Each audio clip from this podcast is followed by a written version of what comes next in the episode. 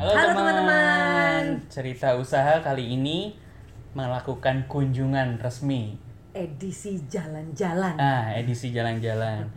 Di edisi pertama kali jalan-jalan ini kita mengunjungi ada bisnis UKM Iya.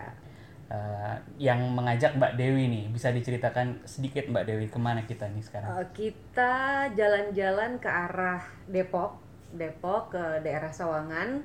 Di sini adalah pabrik tempat dilahirkannya jus kedondong viral Depok yang pertama. Mantap. Iya. Mungkin langsung ketemu aja ya. Langsung Hari ketemu ini kita aja. datang langsung ke pusat produksi, Ini ke pusat pabriknya. ke pabriknya. Nanti Jadi, kita akan posting eh, produknya, Heeh, semua semuanya tentang ini. semua-semuanya tentang Nah, ini. kita langsung ketemu langsung nih. Eh, kali ini kita keluar studio, jadi kualitas suaranya mungkin agak berbeda dari biasanya. nggak apa-apa ya teman-teman ya itu bunyi bunyi aura-aura pro- produksi jus gitu ya langsung aja kita ketemu dengan Mbak Fitri ya. Iya. Silakan Mbak Fitri perkenalan. Halo, nama saya Fitri. Iya. Tempat tinggal saya di Sawangan, Depok. Mm-mm. Eh, usaha saya itu adalah Papis Jus. Papis Jus itu apa sih, teman-teman? Ada yang Apa? udah tahu belum? apa ya apa ya apa tuh papis apa tuh papis Papis itu artinya payu pisang. Udah tahu kan payu pisang itu apa? Laku banget kayaknya Mbak. itu laku banget ya itu bahasa, Bahasa Sunda, Sunda, bahasa Jawa juga gitu sih bahasa kayaknya. Bahasa Jawa gitu juga ya Ki Iya. berarti harus kita aminkan Ki berarti Amin. Amin. nah eh, Nah, hari ini Mbak Mbak Fitri eh, dengan siapa nih? Kita dengan kita- siapa nih soalnya saya Kita, di lihat sini ada berempat. ada berempat Kenalin dulu dong. Halo, perkenalkan nama saya Ruli Anwari sebagai tukang panggulnya Papis. Wah, Mas Ruli, luar bisa biasa. aja luar biasa ini Mas Ruli ini. Nah, jadi hari ini kita sengaja datang untuk ngubek-ngubek, menguak semua eh, cerita tentang Papis Jus. iya Nah, cerita ini harapannya bisa menjadikan eh, contoh buat kita semua, Mm-mm. buat saya pribadi, Rizky, Mbak Dewi bisa sambil belajar terus. tentu Terus kemudian Lalu. dari Mbak Fitri dan Mas Ruli ini bisa bercerita dari awal sampai sekarang. Mm-mm. Sudah sampai mana sih Papis Jus ini? Ide-idenya bagaimana? Menyambung dari tiga episode sebelumnya ya Mbak Iya, Dewi betul, ya. betul betul betul Dari mencari ide, sampai memilih, memilih ide, sampai terus memutuskan menjadi full time entrepreneur. Nah, yang kita hadapi sekarang Mas Ruli dan Mbak Fitri ini sudah eh, lepas landas ya. udah lepas landas. Udah full time entrepreneur nih. Tapi sebelum kita masuk ke cerita itu cerita sedikit dong Mbak Fitri. Ini udah berapa lama sih eh, berjalannya usaha Papis Jus ini yang sekarang? Eh, Alhamdulillah sudah berjalan baru tiga tahun, Mbak oh tiga tahun ya. Hmm. nah selama ini tiga tahun ini Papis Jus ini boleh tahu nggak ide usaha yang keberapa maksudnya begitu lahir dapat ide langsung Papis Jus atau sebelumnya ada ide-ide usaha lain gitu Oh banyak. Nah, Saya apa sudah aja tuh? melewati. mantap apa aja tuh Salah Apa satunya waktu lagi pertama nikah, suami saya cuma bilang, nih aku punya modal uang 2 juta. Kira-kira mau bisnis apa ya? Kata suamiku, udah deh, aku sambil mikir-mikir, bismillah aja. Gimana kalau aku sambil kerja, sambil jualan BH sama celana dalam? Mantap ini. ini mantap ini ini ini saya jadi saya Ini, sorry ini ide ide istrinya atau ide suaminya? sorry sorry ini aku harus harus menggali nggak apa-apa ya Nggak ya? silakan, ini inspirasinya dari mana mbak ini ide peluang ini gimana sih proses berpikirnya boleh di sharing nggak ke Oh, pendengar iya. eh, Karena saya pikir kan orang-orang bekerja itu kan kadang punya waktu libur seminggu hanya sekali saja, ya kan? Ah, ah. Hanya sekali. Nah, se- sehari sekali itu mereka belum tentu bisa sempat belanja-belanja. mm-mm. Ini peluang banget buat saya yang buat daleman kadang-kadang mereka suka lupa gitu kan. Mm. Ya sudah deh, Bismillah aja kalau nggak laku buat saya aja yang make. Bisa sehari ganti lima kali nggak ada masalah. nggak masalah stok banyak. eh, eh, tetap kering. Lagi males nyuci nggak apa-apa stok banyak gitu Iya, juga. gitu. Eh, jadi awalnya itu eh, ngambil ya, berarti reseller atau ngambil dari pabrik atau produksi? belanja di Oh, pasar belanja. Tanah Abang. Seminggu sekali itu dulu omsetnya satu juta seminggu seminggu satu juta Sejuta itu Belanja. hasil ha- belanjanya. iya belanja Hasil penjualannya saat itu berapa? berapa ya kira-kira Belanja kan sejuta. Nah, Iya. hasil penjualannya seminggu Eh, bisa sampai 2 jutaan Oh, berarti omsetnya berarti untungnya 100%. Iya. Untung kotornya Luar 100%. biasa.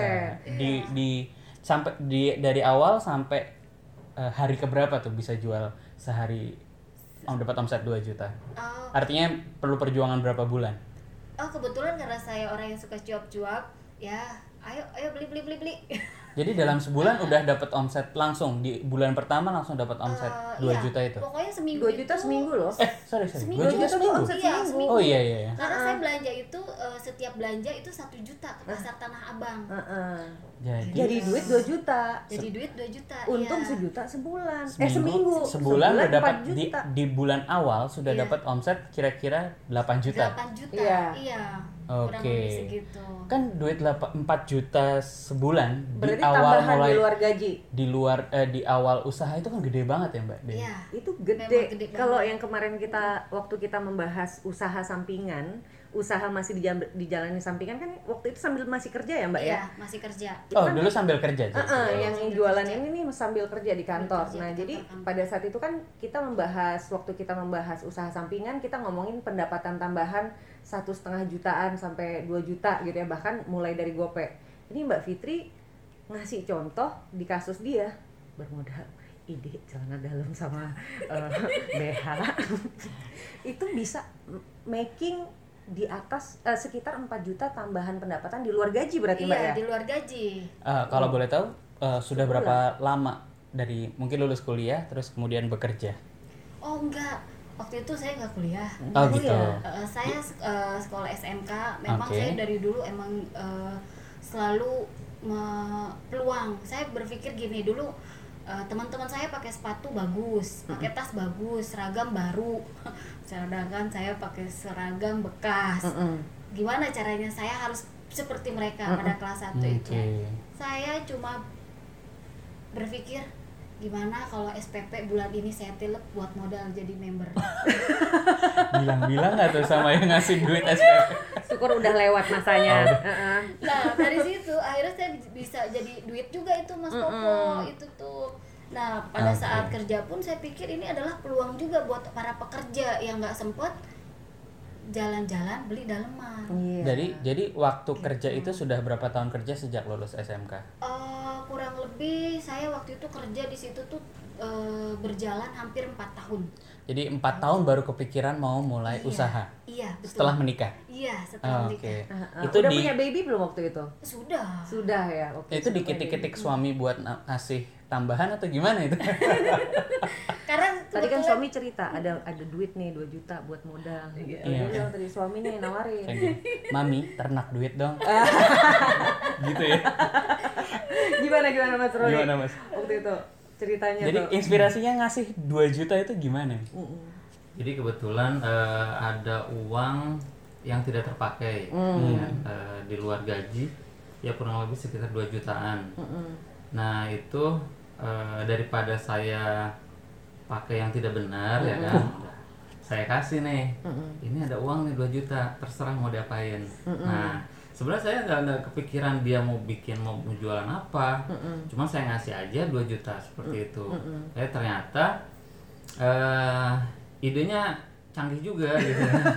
Eh, by the way, dapat ide untuk itu dari mana sih awalnya tadi? Itu Eh, enggak enggak iya tahu cuman dapat ide belanja di tanah abang Ah. tahu source-nya di sana Tahu itu, itu- dapat informasi dari mana Eh, sebelumnya sih saya nggak pernah dapat informasi dari mana aja. Cuma saya pikir eh, kalau di Tanah Abang itu banyak yang jualan, pasti di sana banyak dong eh, s- eh, celana dalam yang lucu-lucu gitu kan, BH yang lucu-lucu.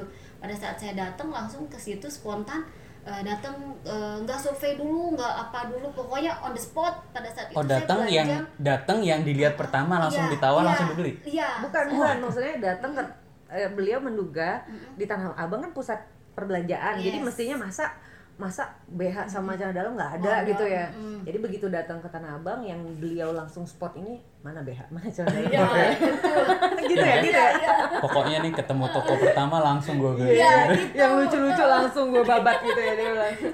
gitu. banyak nih Ah, modal oke. bandar gitu ya. Menarik ya bisnisnya. Menarik, menarik. eh, berj- bertahan berapa lama tuh Ah-ah. berjualan underwear? Oke, itu bertahan hampir 2 tahun. Oke. Masya Allah. Iya, Omset iya. terakhir? Omset terakhir agak sedikit berkurang karena kita rumahnya pindah. Oh. Nggak di Jakarta lagi, udah mulai udah mulai nyicil rumah di Citayam. Citayam. Pada saat itu masih ngontrak berarti Iya, waktu ngontrak. menjalankan itu. Eh, berarti itu jualannya ini ya, eh, direct selling ya, belum eranya online. Iya, Masih- direct selling. Berarti eh, gi- Langsung jualan. bisa diceritakan sedikit tuh. Door eh, to door-nya door to gimana? door, apa dari teman-teman? Mak. Oh gini, Uh-uh. jualannya saya saat itu pokoknya saya harus prefer satu jam sebelum masuk kantor saya harus ada waktu buat jualan. Oh. Gelar lapak. Keren. Di kantor. Gitu. Iya, gelar lapak. Terus udah gitu, habis satu jam sudah gelar lapak. Nah setelah pulang, saya nggak buru-buru pulang. Saya ke kantor satu dulu, ke kantor sebelah dulu. Jadi saya sambil ngider tuh keliling-keliling di beberapa kantor yang ada di tempat kerja saya. Nih ya guys, Ini, ini guys. ini yang namanya perjuangan Heeh. mencari market. Hmm. Nah, untuk menjadi seorang entrepreneur, wirausaha, penjual barang, Iya. apa pun itu, sebelum sebelum kita punya produk sendiri, kan kemarin kita udah bahas. Udah bahas, Jadi udah bahas ini. skill pertama yang harus kita kuasain adalah Berjualan berjualan dan offline. dengan cara nggak tahu nggak usah nggak usah malu. Mm-mm. Si Mbak Fitri ini datang ke kan- kantornya sendiri, iya. Kantornya orang lain disatronin juga. Bawa underwear pula. Gila ya. Bisa dibayangkan nggak itu ya? Nah, malunya juga udah nggak ada gue rasa itu. Nah, ini ini ini ini pelajaran yang luar biasa. Ini luar biasa sekali. Terima kasih Mbak eh, Fitri. Ini benar-benar karena kadang-kadang gue tuh kadang-kadang ngerasa gini ya. Orang tuh suka menempatkan malu tuh di salah tempat gitu loh. Nah, Berjualan kan halal, gitu kan ya? Sorry, gue gue gue kemarin baru ketemu Iya. salah seorang eh, ya tetangga lah. Heeh. Dia eh, berjualan. Mm-mm. Nah, eh, dia coba waktu itu lagi ketemu di jalan ya, Mm-hmm. habis sholat, terus kita ketemu di luar, di luar, terus bilang, "Eh, Mas Rizky, suaranya pelan-pelan. Pelan-pelan. Mas Rizky, eh, kenapa? Saya punya celana. Oh iya, saya juga punya celana. Terus Kayak dia tuh malu mau ngomong, saya jualan gitu. oh. Nah, ya terus langsung kan bilang, Mas, Mas jualan celana, malah malah gue yang nanya apa? Dia cuma nanya, nanya gini, Mas saya punya celana. Iya saya juga punya celana. Mas jual celana maksudnya. Nah, terus akhirnya kita ngobrol. Heeh. Terus saya bilang, Heeh. kalau mau mulai jualan jangan malu. Iya. Jadi jualan emang ya bukan aib ya. Iya, itu bukan Itu aib. bukan Ini sama ini sekali bukan Benar-benar harus di kita tekenin ya yang namanya jualan itu tuh halal. Terus di mana kenapa harus malunya gitu loh maksud aku. Di satu sisi kalau gue gue jadi agak curcol sedikit ya. Di satu sisi orang naik kendaraan mewah hasil korupsi malah bangga. Iya, Nah, betul. Ini gue bingung banget. Jadi kita tuh menempatkan malu tuh mbok ya intinya amazed banget lah sama Mbak Fitri ini. Jualan BH ya coba coba nanti kita kulik Kita lagi. ulangi. banyak BH, ilmu lagi kayaknya. celana dalam. Nah, ini kan malunya dengan barangnya juga mungkin harusnya lebih malu lagi ya. Nah, setelah setelah berjalan tadi dua tahun, kemudian bisa DP rumah beli rumah. Oh ya DP rumah dari hasil jual underwear. Iya. Masya Allah, Masya Allah. Iya, luar biasa. Oke, terus eh, singkat cerita, singkat cerita kenapa berhenti? berhenti dari bisnis itu? Apa menemukan eh, emas lain, tambang emas lain, dan kenapa berhenti? Kenapa tidak dilanjutkan sambil membuat yang lain? Mm-mm. kan artinya kan ada orang bilang uh, naruh telur bisa di mana ada bikin beberapa keranjang ya keranjang. jangan uh, satu penghasilan kenapa ketika ketika itu berhenti dan ap- apa alasannya berhenti dan apa yang dikejar selanjutnya Oh ya, eh, pada saat itu berhenti karena jarak rumah jauh, Mm-mm. ya kan? aktivitas agak sedikit terhambat dan masih punya bayi waktu itu ya, masih satu tahunan ya waktu itu kakak itu. Eh, tapi seiring jalannya waktu, akhirnya saya melakukan lagi aktivitas berdagang lagi. nah Pada saat saya punya anak kedua, oke pada saat saya keluar kerja waktu itu akhirnya saya memutuskan untuk keluar kerja tuh Mas Popo Mbak Del Mm, mm. saya keluar kerja saya punya tabungan waktu itu eh, sama suami kebetulan saya akhirnya join bisnis Mm-mm. Join bisnis dengan orang lain. dengan orang lain. Mm-mm. Itu buka toko servis komputer di Cinere. Oh, Oke. Dari- Modal 20 juta di tahun 2007. Itu gede ya. Itu kalau 20 juta di tahun 2007 itu seperti 30 juta di tahun ini. Iya. Bisa jadi. Cuma eh, agak pertanyaan memotong. Iya. Dari underwear ke komputer. Korelasinya di mana? Saya belum menemukan korelasi. Nggak, Apakah ada kata apa- kuncinya tadi Apakah join bisnis. Iya ya, Ah. enggak maksudnya kalau kita memulai bisnis kan kemarin kita bahas bahwa ide itu kan relate sama latar belakang. Heeh. Nah, apakah Mas Ruli ini Apa dari Mas sebelumnya sebelumnya eh, paham benar tentang dunia IT, komputer dan sebagainya? Justru saya sendiri juga awam banget tentang komputer. Oke. Karena di pekerjaan senda- eh, saya sendiri kan di bagian otomotif ya. Di Toyota itu jauh sekali dengan dunia komputer. Hmm. Cuman waktu itu karena yang nawarinnya itu temen temennya Fitri gitu kan temen istri dia akrab kemudian nawarin sebuah project eh, bikin kerja sama servis komputer di daerah Cinere dengan budget sekian sekian perincian sekian sekian Eh, kemudian dijelaskan juga apa eh, eh, apa rencana profitnya kayak se- segala, segala macamnya seperti itu. Akhirnya kita oh oke deh kita join.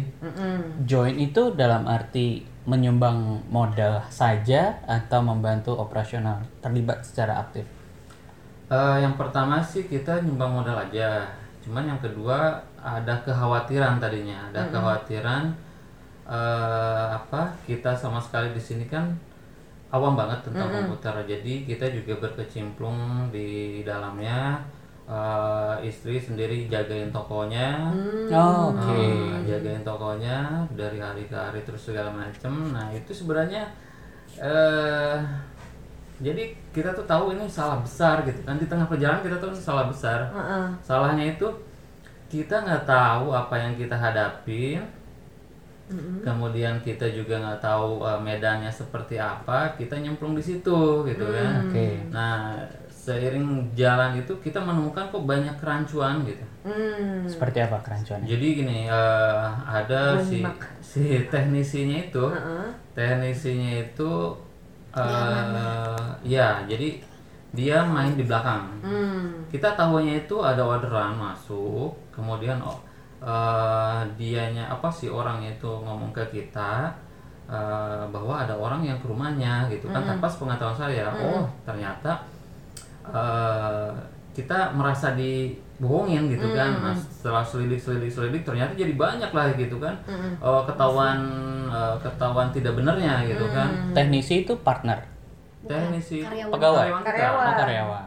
Terus partnernya gimana ketika kan pasti kita sebagai investor eh, protes dong. Eh gimana nih teknisi nih bla bla bla. Nah, Nah. itu temen yang menawarkan ide bisnis di awal bagaimana Nah, actionnya jadi dia gini, waktu itu? si partnernya itu, jadi ya dia punya toko di belakang UI, Hmm. Pondok Cina persisnya. Nah, jadi dia tuh jadi seakan tidak peduli terhadap toko yang di, Di Cinere. Cinere. Oh, Seperti jadi itu. ini uh, side business ya. Side. Betul. Hmm, bisnis sampingannya si partner. Ah, Oke. Jadi seakan tidak peduli kita jadi di sini kita juga awam, kemudian ini toko juga harus berkembang dan kita bingung nih mau ngapain gitu kan nyari spare partnya gimana harganya spare part juga kita nggak hafal gitu kan nah, dari situ oh ini bisnis eh, bukan bisnis saya bilang ini suatu kesalahan suatu kecerobohan dari kami gitu kan eh, memulai sesuatu yang kita sendiri tidak tahu gitu kan Hmm. nah akhirnya nggak berselang berapa lama kok cuma enam bulan kalau nggak salah ya Jadi uh, bisnis yang kedua ini berjalan hanya enam bulan. ya enam bulan itu udah toko langsung tutup gitu kan Uh, balik modal nggak? Enggak, karena di situ jadi banyak kerugian lah. Entah spare part itu banyak yang hilang, nggak dikembaliin juga kok kemudian barang-barangnya juga nggak tahu ke mana gitu kan. Teknisinya juga sendiri eh, dihubungin udah bawa barang-barang kita gitu kan. Ya udah akhirnya ya Jadi dari 20 juta Habis. balik berapa? Enggak, enggak balik sama sekali. Jadi malah rugi 20 juta Malah selama enam bulan. Betul. Soalnya tadi nyebutnya emang nyumbang modal mungkin. Oh gitu. Ah, iya Harusnya penanaman modal, Bu. Harusnya nanemin modal. Kalau udah nyumbang modal, nyumbang beneran ini. Amal. Amal ya jariah. Jadi Mudah-mudahan. amal jariah. Iya iya iya iya iya. Oke, setelah enam bulan akhirnya ketemulah bisnis yang sekarang? Atau Enggak. masih ada perjalanan? Lagi? lama banyak prosesnya prosesnya lama kita Masya eh, sempat kerja kemudian istri juga kan. Eh, apa namanya di rumah sama sekali nggak aktif apa apa Bete. kita kita kita di kita fokus di kerja. Mm-mm. kerja gimana supaya dapat penghasilan besar gitulah. Nah, untuk menutupi segala kebutuhan karena istri kan eh, sekarang udah nggak kerja sama sekali Karena Nah, ada baby juga kan. Betul. Baby Iya, ada masih baby. kecil udah dua nah, pada saat itu. Nah, berselang berapa bulan ada tawaran di asuransi istri, Mm-mm. ya kan? Eh, nomor satu di Indonesia lah katanya Nah. waktu itu ya. Plat merah, plat hijau atau plat apa nih? Kita nggak nyebut merek kalau yang Oh, kita gede-gede. nggak nyebut merek kalau yang Kan gede. kita udah janji, Oh, kita iya. nyebut merek kalau UKM. Yang kecil aja. Iya. Ya katanya seperti itulah. Jadi nomor satu Indonesia. Nah, join lah istri di salah satu asuransi tersebut. ya kan? Berjalan dengan waktu kok penghasilannya lumayan gitu kan. Malah bisa eh, melebihi penghasilan saya di kantor. Wow. dalam satu satu tahun pertama Wah, Oke. saya malah di eh, apa di Toyota itu hampir waktu itu 12 tahunan 12 tahunan di apa di Perusahaan itu ah di perusahaan itu Ah, ini nggak boleh nyebut merek. nanti di Kesebut juga. Nggak ada masalah kantornya, kalau itu tempat kantornya. kantornya. Bukan Itu jualan. Sejarah, bukan Iya. jualan, ya. Iya. ya jadi eh, seperti itulah oh ternyata dalam satu tahun kok dia bisa mengalahkan eh, penghasilan saya gitu kan. nah ya udah. Ini kan logika saya jalan gitu kan. Ini saya di sini udah belasan tahun tapi penghasilannya kalah dengan yang eh, baru eh, masuk di eh, di bidangnya dalam satu tahun gitu kan. Ya udah akhirnya saya memutuskan untuk resign juga deh tuh dari kantor ya kan. Untuk bergabung di eh, bersama istri. Nah, setelah itu saya bergabung. Setahun kemudian saya ternyata lumayan dahsyat gitu kan. Emang lumayan dahsyat karena kita eh, dasarnya pekerja keras gitu kan. Dalam satu tahun itu kita jadi naik level langsung eh, unit manager waktu itu. Hmm. unit manager mau dapat jalan-jalan juga lah gitu kan. Capai target berdua ya. oh itu kemudian di tahun kedua tahun ketiga kita juga naik ke level lagi gitu kan ada di situ ada titik di mana kita tuh menemukan kok eh, di asuransi ini duitnya banyak tapi kok hati nggak nyaman gitu Hmm. Nah, ya seperti itu. Jadi uang banyak, uang banyak kita sehari itu eh, pengeluaran itu karena kita sering nongkrongnya kan di mall. Eh, apa prospek itu pasti di mall, tempat makan gitu kan. Sekali keluar berapa? Yang pasti kan kalau kata orang asuransi gimana kita mau dapat eh, apa ikan yang besar kalau umpannya juga nggak besar gitu kan. Nah, jadi pengeluaran gede, jadi tapi pemasukannya memang gede. Cuman di situ kok saya merasa eh, ada ketidakcocokan dengan hati gitu, hati nurani saya. Nah dari situ saya mulai pencarian dan pencarian kenapa sih ada apa dengan hati ini gitu kan. Sampailah saya ketemu dengan eh, komunitas eh, namanya eh, pengusaha tanpa riba PTR gitu kan. Saya coba ikut yang pertama istri ikut eh, seminarnya. Oh iya kamu harus ikut deh ya. Eh, gini gini gini segala macam gitu kan asuransi begini segala macam kita harus begini gini gitu kan. Nah akhirnya pada saat ada seminar berikutnya saya ikut dah tuh Tambah galau pasti. tambah galau ya kan tambah galau bukan galau dewanya galau lah gitu kan Galaunya beda kayak ini beda makom sama galaunya kebanyakan milenial. beda makom. ini dewanya galau Nah, gitu ini kan. dewanya galau. Nah setelah itu setelah saya ikutan wah ketemu ketemu sama orang yang namanya tuh Sabtu hari Ya. Sugiharto. Ya. wah itu berasa diapain itu sama dia gitu kan. Padahal cuma diomongin doang gitu kan. Alhamdulillah. Alhamdulillah itu. Jadi akhirnya pas eh, setelah ikut seminar itu udah memutuskan saya harus resign juga nih dari sini gitu kan. Tanpa persiapan? Tanpa persiapan. Alhamdulillah. Ini sebenarnya bunuh diri ceritanya gitu kan. Gak punya penghasilan. jadi eh, saat itu udah eh, apa namanya ketemu satu hari akhirnya memutuskan untuk resign. Resign pun gak gampang ternyata di asuransi karena kita kan Dirayu-rayu. kita punya atasan lagi ya kan? Namanya agency manager. Karena kita paling produktif di grupnya gitu kan mengha- eh, paling banyak produksinya kemudian agennya juga paling banyak. Wah kita tuh Timnya besar. dihalang-halangin lah. Mm-mm. sampai kita mau berantem lah istilahnya gitu kan. Oh jadi kalau di asuransi itu ibarat kata otak kita tuh dicuci jadi inilah kendaraan yang paling cepat untuk sukses begitu katanya Iya. gitu kan nah udah dari Tentu. semua semuanya seperti itu Semuanya seperti MLM juga gitu Iya. Iya. ya udah akhirnya udah resign ya kan Kalau saya apa eh, ngajuin surat pengunduran diri diajuin ke kantor pusat sama ke ke agensi dari situ disetujui bulan depannya udah kita kita tuh sema- kayak semacam eh, di-cut gitu. Akses buat ke sana nggak ada kemudian penghasilan dari sana juga nggak ada sama sekali dan nol sebenarnya kalau kalau kita eh, tidak mengajukan surat asuransi itu sampai sekarang pun masih dapat Hmm. komisi segala macam masih dapat komisi kan dua tahun setengah ya? Ya betul.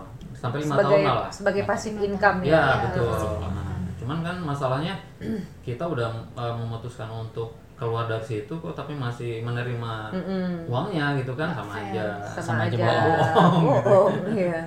Tapi sebelum kita sorry kan. Nggak apa-apa. Ah, sebelum kita resign pada saat itu masa-masa pencarian kita pada saat itu adalah membuka laundry kiloan teh upit. Kayaknya banting setirnya ekstrim gitu ya. Iya jadi makanya ini pel- dari- ini pelajaran bagi gue akademisi nih ya. Ini kasus yang sangat menarik. Gila loh. BH, underwear. Underwear, komputer, terus? Asuransi. Asuransi, terus laundry. Jadi gue kalau kata akademisi itu nggak linear gitu, nggak lurus itu zigzag zigzag gitu jalannya. Tapi pasti ini menunjukkan jalan hidup yang sangat seru. Iya. Nah terus pas laundry gimana nih mbak? Nah, pas laundry kiloan itu, eh, saya pikir gini, saya, saya tuh jujur aja, di antara nyuci sama nyetrika, saya punya hobi lebih suka nyetrika. wah ini orang paling aneh sedunia nih Paling aneh sedunia. gue paling seneng nyuci doang iya. kalau gosok itu ya Allah ini baru sekali gue nemuin ada orang model Mbak Fitri ini Iya, kalau gue termasuk yang waktu gue belum sanggup mem- memiliki asisten rumah tangga ya. Iya. Gue termasuk yang baru nyetrika kalau mau berangkat kantor. gitu. Karena nyetrika paling males, Bo. Dia Dan- hobinya nyetrika. dari dari seluruh pekerjaan rumah tangga Iya. yang paling gue capek itu gosok iya. Gue ngepel gue paling suka gue. nyapu ngepel semuanya terserah deh Terus, terus, terus Mbak. lanjut Iya. Nah, nyetrika ini kenapa sih menurut aku gini, aku tinggal di komplek, peluang banget. Banyak ibu-ibu mau- eh, ibu-ibu Kerja. muda, ibu-ibu Hmm. kerja yang nggak sempet ya kan ngurusin setrikaannya bisa nyuci. Mereka punya setiap rumah pasti punya mesin cuci tapi nggak ada waktu buat nyetrika. Ini adalah peluang menurut saya. Iya. gokil Ya kan? ini Gokil, dia. gokil. peluang banget gitu. Batin mata batin usahanya.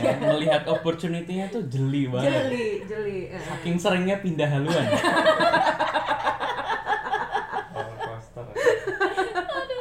Nah terus terus. Udah gitu nyetrika. Saya pikir ah nyetrika itu hal yang paling menyenangkan adalah pada saat saya nyetrika itu sambil zikir Masya Allah. Subhanallah. sambil zikir saya tuh ya Allah sambil sa- terus mengingat Allah tuh dengan cara menyetrika ah baca aja bacaan gitu nggak Jadi- sambil ngelamun gitu maju subhanallah mundur, subhanallah. iya iya Terus pas udah jadi satu pakaian dita- Iya. ditaruh di bawah Udah Alhamdulillah 99. gitu kan. Nah, udah 99. iya itu salah Terus satu pas mulai baju baru lagi Allahu Akbar, Iya. baju lagi subhanallah lagi.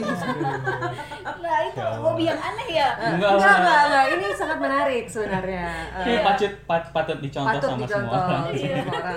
Terus terus Mbak, terus? sampai Menurut berapa saya- lama ini Mbak? ini peluang. Nah terus pada saat saya peluang ini wah akhirnya saya ngerjain sendiri ya kan? Saya nyetrika wah semangat banget. Kalau saya tuh ini jujur aja, jas- jasa laundry khusus gosok aja? Eh, ya awalnya gosok aja.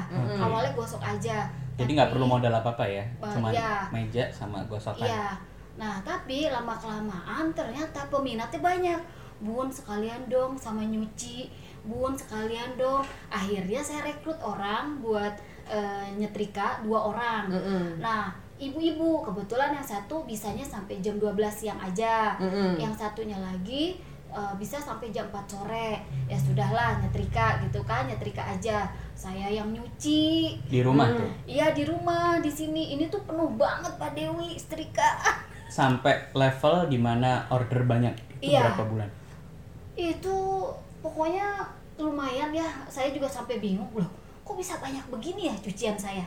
Kalau nah kalau bisnis itu eh, secara secara hitung-hitungan kan itu bisnis jasa ya. iya iya Berarti untungnya gede banget ya, tanpa modal gitu.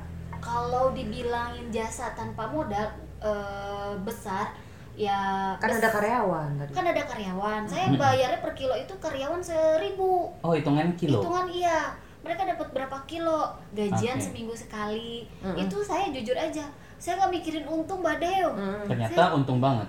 Enggak, saya yang mi- yang yang pasti saat itu saya cuma pengen bertahan hidup.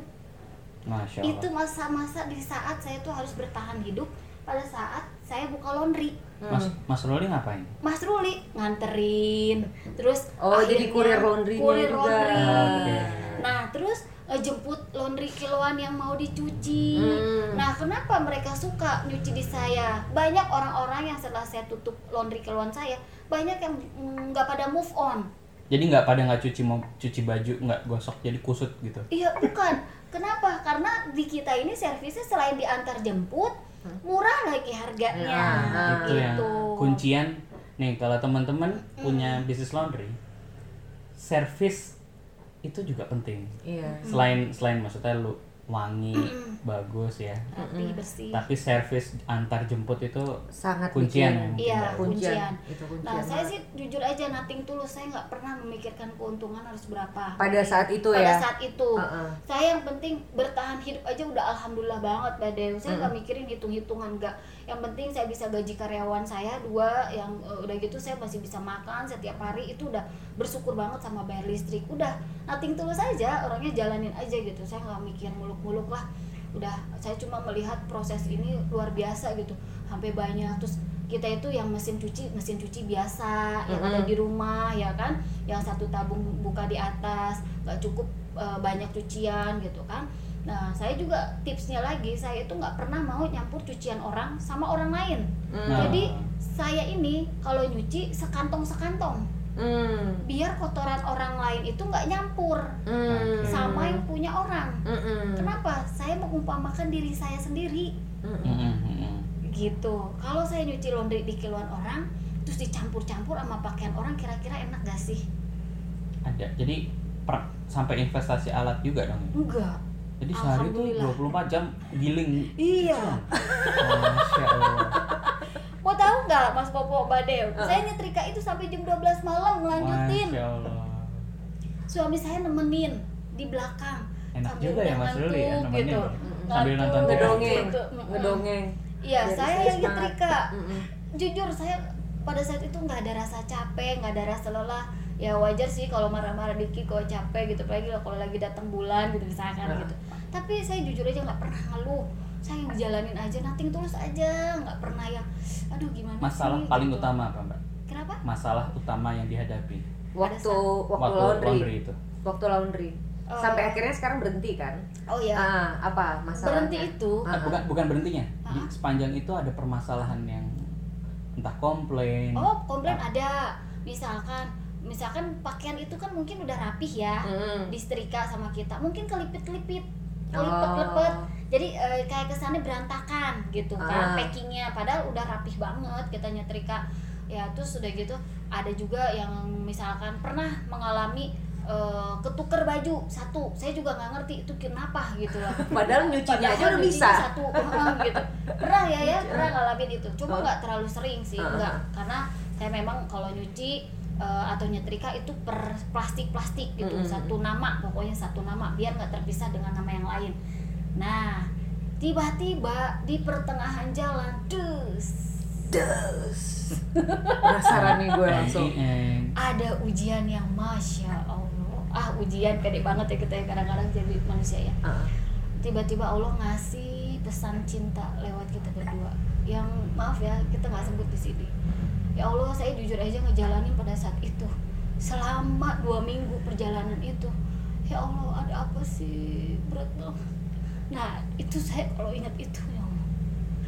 Dua minggu itu saya benar-benar eh apa ya kalau disebut ujian juga enggak disebut azab juga jangan ya. Ini adalah pesan cinta yang Allah sampaikan untuk kita berdua.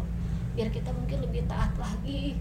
Kita kebanyakan salah dosa kali ya akhirnya tiba-tiba saya itu saya itu ketemu sama teman teman lama cuma bilang gini doang Pit lu bikin deh jus pala jus pala Eh tadi langsung berhenti berarti ketika Enggak, ada masalah. enggak. masalah langsung. dua minggu itu dua minggu itu akhirnya selesai tapi selesai laundrynya Eh, belum laundrynya masih jalan oh, oke masih tapi jalan. pada saat itu saya sempat ditemukan sama teman lama Mbak Dew pada saat menghadapi musim Iya, ujian, itu, ujian itu. dipertemukan sama teman lama Iya. Ah. nah teman lama itu cuma bilang udah lu bikin jus buah pala jus buah pala ah gua kagak bisa kata gue bilang gitu Mm-mm.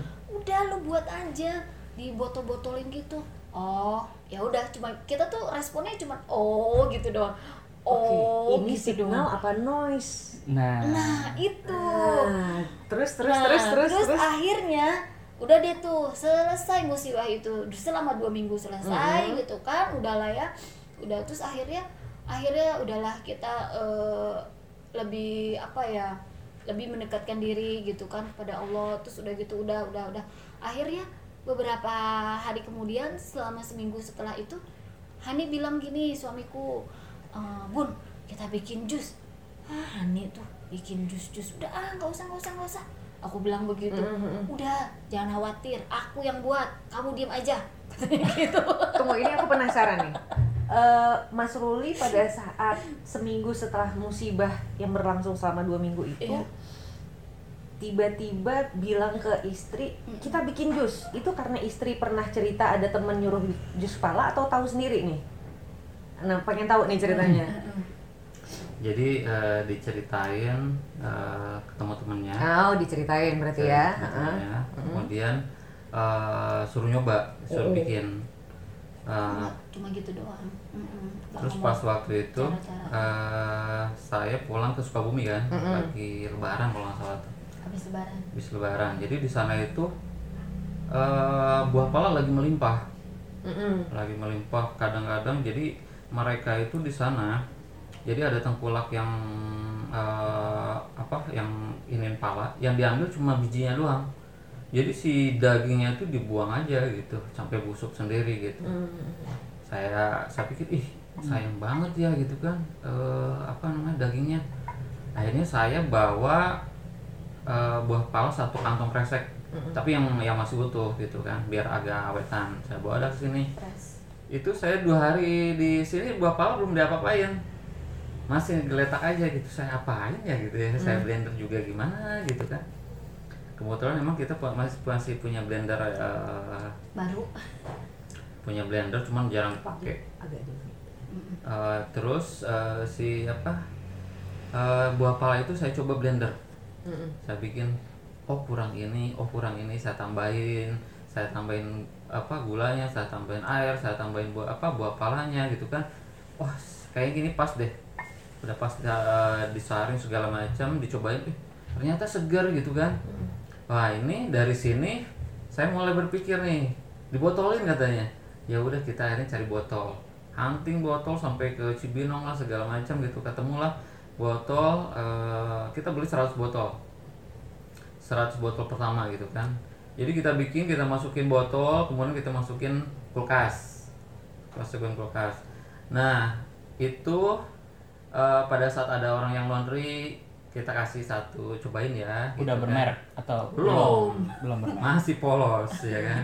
Masih polos. Wah ternyata responnya bagus Oke. responnya bagus sampai ada yang eh, salah satu tetangga di sini yang order 40 botol buat ke kantor Masya itu senangnya luar biasa gitu kan Nah, Omsetnya berapa tuh saat itu? itu masih lima ribuan Oh, lima ribuan. satunya masih lima ribuan, lima ribu kali empat puluh botol. iya Dua gitu ratus ribu ya. Ya, lumayan. nah dari situ eh, ada permintaan dari kantor itu sendiri bisa nggak rasa ini rasa buah ini rasa buah ini oh saya bilang bisa gitu kan saya belum nyobain Setelah melakukan perjalanan underwear, komputer dan lainnya, permintaan kayak gitu mah gampang ya mbak. Iya, langsung bilang yes. Bisa ini? Oh, bisa, bisa. Belum selesai ngomong udah bilang bisa. bisa gitu kan Nah, akhirnya malam-malam itu besoknya mau diambil malam itu kita bikin gitu kan kita bikin di trial oh rasanya begini ini oh, kurang ini udah sambil trial sambil jalan sambil eh, langsung masukin botol itu kan udah menemukan rasa yang pas kita kunci deh tuh si rasanya tuh kan kita bikin eh, rumus lah gitu Resep, kan resep. Formula. formula, ya kan? formula, biar sama Biar- rasanya biar kan. nanti pada saat ada orderan lagi oh udah nggak pusing-pusing lagi gitu kan nyari-nyari merem lah ya. nah gitu kan nah udah udah ketemu rumusnya besoknya tinggal bikin lagi itu tiap hari rutin tuh alhamdulillah rutin gitu kan Jadi order awal-awal itu hanya dari uh, customer laundry sama order yang datang sendiri. Bukan aktif jualan. bukan Ibarat eh, Facebook tuh dari friends, dari eh, Friend laundry, friend. kemudian friends of the friends, gitu kan ya? Kayak gitu jalurnya ya. Nah, udah lumayan kita udah bisa produksi agak banyak kan. Ini gimana nih ya? Tempat mana nih yang eh, yang rame gitu yang dikunjungin orang eh, yang kita bisa jualan. Mm-mm. Nah, akhirnya ada eh, kepikiran UI gitu kan. Universitas Indonesia gitu kan. Setiap hari Minggu pagi. Hari Minggu kan. Oh, ada ada car free day di Ah. dalam Iya. kampus atau gimana? Jadi di sana banyak orang yang olahraga gitu kan. Hmm. Oke. Iya, Minggu pagi. bawalah kurang lebih sekitar ada 40 gitu kan Berdua sama Karim, Berdua sama Karim, jualan. gitu kan Karim anak ya, nama anak ya. Nama Iya, Karim. Mm-mm. jadi eh, pertama oh, lumayan eh, untungnya lumayan minggu berikutnya kita jualan lagi ma- sama anak berdua gitu kan sampai diusir-usir security pernah Nah, itu ngumpet-ngumpetan gitu kan alhamdulillah alhamdulillah perjuangan. diusir di sebelah sini kita buka lagi di tempat yang agak jauhan yang enggak Pakai tas, ransel. Iya, yang enggak ke ini sama security gitu kan ketemu lagi sama security disuruh apa disuruh apa Suruh push up. lagi Oh, kirain disuruh push up. tadinya barang kita tuh mau disita gitu kan cuma karena kita nggak bawa Tempat. eh, tempat jadi masukin di tas doang jadi kita masukin tas tinggal gendong gitu kan jadi di sana tuh ternyata nggak boleh jualan kita hanya aja yang ngeyel gitu kan Yang penting ada peluang. kitanya aja yang ngeyel gitu kan sampai anakku tuh bilang ayah sabar ya ya Masya Allah. Dari anak loh. Itu macam Sabtu atau Minggu bersama bapak gitu Ah, ya. iya. Itu Kayak- kayak itu ya, kayak cerita itu, kayak ya. ada cerita yang sangat romantis. Iya, jadi setelah itu kita lumayan tuh produksi ada eh, dari apa? Dari orang juga orderan lumayan banyak gitu kan. Tapi masalahnya tuh kebutuhan kita lebih eh, waktu itu karena kita udah nggak punya penghasilan dari tempat lain, hanya dari jus. Laundry pun udah mulai menyusut nih, kita udah mulai ngurang-ngurangin. Karena orderan laundry le- makin lama makin banyak jusnya daripada laundry. Bukan, jadi gini, kita Laundrynya justru tambah banyak. masalahnya di tenaga kerjanya. Oh. orderannya banyak eh, tenaga kerja yang buat nyetrikanya itu udah nggak ada Hmm. Kenapa nggak kepikiran buat lagi-lagi tadi kan? Kalau dari awal ceritanya berhenti satu jadi satu lagi. Jadi enggak dilang dilanjutin semua gitu.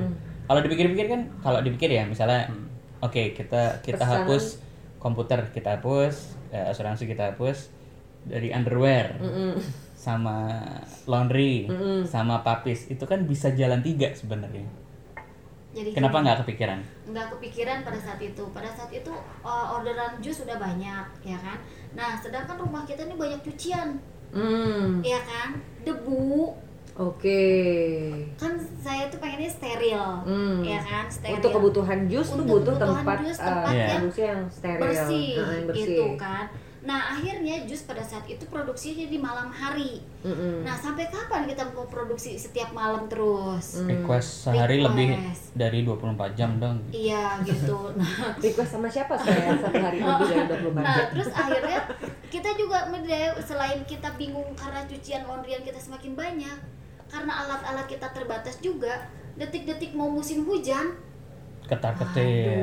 Gimana nih alat kita nggak secanggih laundry-laundry yang lain. Hmm. Ada Nggak punya pemanas. alat pengering ya Nggak punya kan pengering. Ah, pemanas gitu kan sudahlah Bismillah akhirnya kita memutuskan untuk menutup laundry kita Bismillah. Bismillah kita buka lanjutin jus kita Ketok palu. ketok, Ketok palu, palu. Itu Nah, berapa tahun itu. lalu?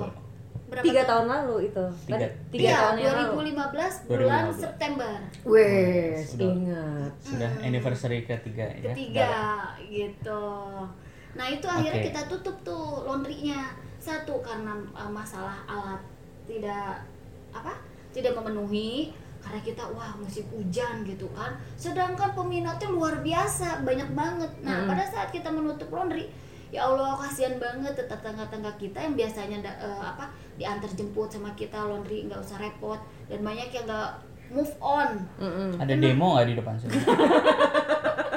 banyak yang nggak move on kenapa? Karena kita kan on time ya kan? Terus antar jemput terus belum lagi murah. Sekilo cuma enam ribu nyucinya trika. Setrikanya aja empat ribu. Duh, terjadi ke kehancuran ekologi di sini. Ekologi, di sini. Lingkungan sini langsung kolaps kayak. Nggak ada yang pakai baju mulus dan wangi lagi. iya ngomong-ngomong guys ngomong-ngomong eh, teman-teman gini eh, kita art, udah dengerin cerita bahwa memang benar ide usaha jodoh menemukan jodoh ide usaha kita itu banyak perjalanannya Hmm. jadi nggak jadi ketika kita gagal di satu ide terus coba lagi ya biasa aja ya mbak ya Iya, memang udah betul. prosesnya nah namun eh, saya mau ngajak nih ini Hmm. kan karena durasi kita udah lumayan panjang Hmm, nih hmm. gimana kalau kita elaborasi lagi cerita tentang papis jusnya di episode ke depan gimana menurut lo Jadi kita sambung ya. kita sambung gimana Mbak Fitri? Ya, kita masih setuju. sambung boleh, tapi boleh. kita jadi teman-teman uh, teman-teman semua tetap ikutin episode berikutnya di cerita usaha. usaha. Bye.